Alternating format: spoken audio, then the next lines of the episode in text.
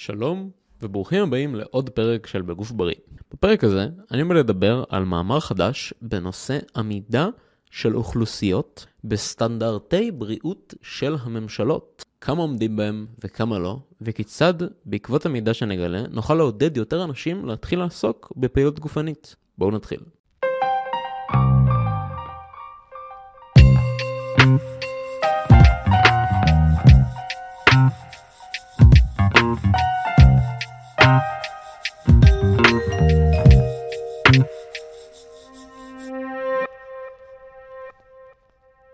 אז, נושא קצת אה, מעניין וחריג, אני יודע, אבל המאמר הזה ממש תפס את תשומת ליבי.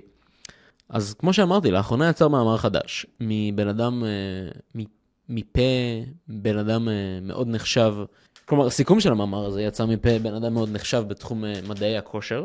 אה, גרג נקלס, זה שמו, Stronger by Science. אני אצרף לינק למאמר הזה בתיאור של הפרק, ובגדול מה שהמאמר בא לחקור זה את יכולת עמידת האוכלוסיות בהמלצות הממשלה לאורח חיים בריא. אמ, זה אופנתי במעגלים מסוימים לבטל הנחיות ממשלתיות הקשורות לפעילות גופנית ותזונה. אחרי הכל, אם שיעורי השמנה עולים בקרב העולם, והם אכן עולים, ורמות הכושר הגופני של האוכלוסיות יורדות עם כל דור, אז ההנחיות חייבות להיות גרועות, נכון? אה, יש פגם ברור בקו החשיבה הזה, שהנחיות והמלצות בריאות הציבור אינן קובעות את תוצאות הבריאות והכושר. אה, ההמלצות הטובות ביותר בעולם לא ישפרו את התוצאות הבריאותיות אם אף אחד לא ימלא אחריהן, אף אחד לא יבצע אותן. אז זה מעלה את השאלה, כמה אנשים באמת עומדים בהנחיות האלו לכושר. אה, אני מדבר פה ספציפית על הנחיות של כושר, הנחיות תזונתיות זה נושא ליום אחר.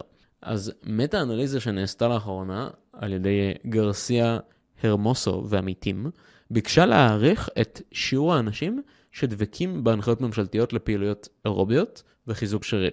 כדי להיכלל במטה-אנליזה הזאת, מחקר היה צריך לבחון אנשים שהיו בני חמש לפחות, ולהעריך את הציות להנחיות הן לפעילות אירוביות והן לפעילויות של חיזוק השרירים, בעצם אימוני כוח, באמצעות שאלונים.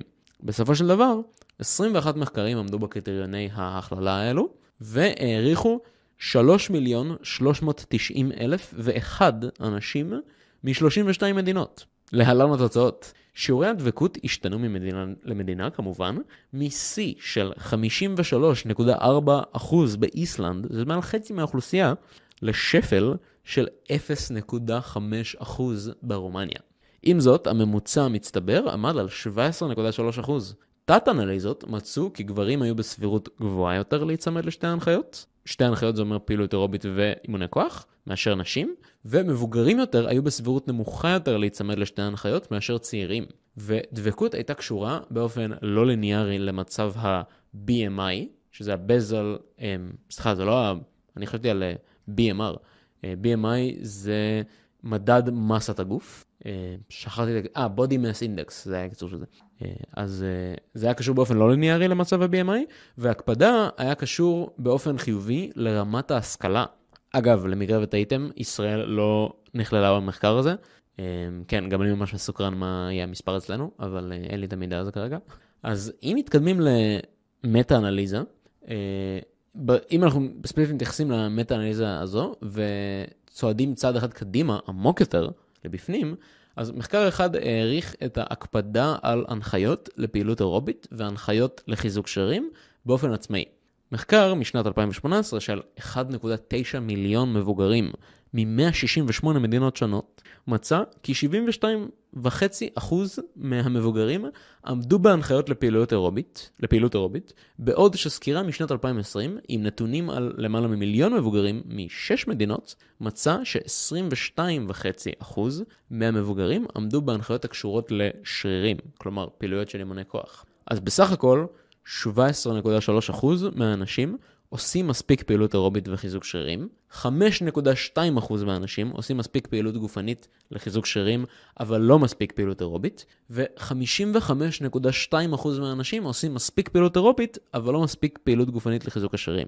זה משאיר 22.3% מהאנשים שלא עושים מספיק פעילות גופנית לחיזוק שרירים, או פעילות אירובית. עכשיו, תזכרו שההערכות האלו של האנשים שעומדים בהנחיות לפעילות גופנית אירובית ובהנחיות לחיזוק שרירים, ושתי ההנחיות אה, מגיעות ממחקרים שונים שמכסים מדינות שונות, ככה שאלו הערכות לא מדויקות. עם, עם זאת, having said that, אני כן חושב שההנחה הכללית מדויקת. יש סיכוי גבוה יותר שאנשים יעמדו בהנחיות של אימון אירובי מאשר בהנחיות לחיזוק שרירים, ואולי 20-25% מהאנשים לא עושים מספיק מכל סוג של פעילות גופנית כלשהי. זה מאוד מעניין עבורנו, אנשים שמתעניינים באימוני כוח, כי אנחנו רואים שהרבה יותר אנשים נוטים לעשות פעילות אירובית, אבל מעט מאוד נוטים לעשות מספיק אה, אימוני כוח. שזה רק בא להראות שמי שכן עושה את זה ומעוניין בזה, אז קחו בחשבון שאתם מאוד מצומצמים, וזה שם אתכם הרבה מעל העדר במובן הזה. אמ, והסיבות לכך שאנשים לא עומדים בהנחיות הפעילות הגופנית הן שונות ומגוונות, זה מגבלות של זמן, קיבולת עצמית נמוכה, חוסר גישה למקומות בטוחים לפעילות גופנית, ואפילו סתם חוסר רצון להתאמן.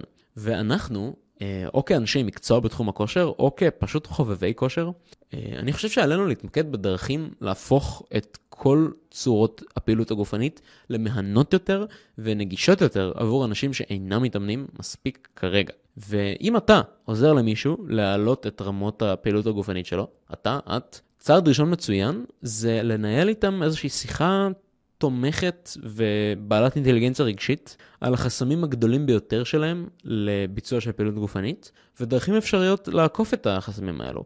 אמ, ועבור מי שכרגע לא עושה אימוני התנגדות בכלל, אז רק 10-15 דקות של אימון במשקל לגוף פעמיים שלוש בשבוע, זה יכול להיות צעד ענק, צעד ראשון ענק בכיוון הנכון. ככה התכוונתי להציג את זה. אני מצרף לתיאור של הסרטון הזה לינק לגרסה המקוצרת של ההנחיות הבריאות ולגרסה המלאה, וגם שיהיה שם תמונה של, תבינו מהם ההנחיות הכלליות האלו, סתם אם זה מעניין אתכם האקסטרה השערה הזאת. זהו, אני מקווה שלמדתם משהו חדש. אני הייתי אורי שוורץ, אתם האזנתם לבגוף בריא, ונתראה בפרק הבא.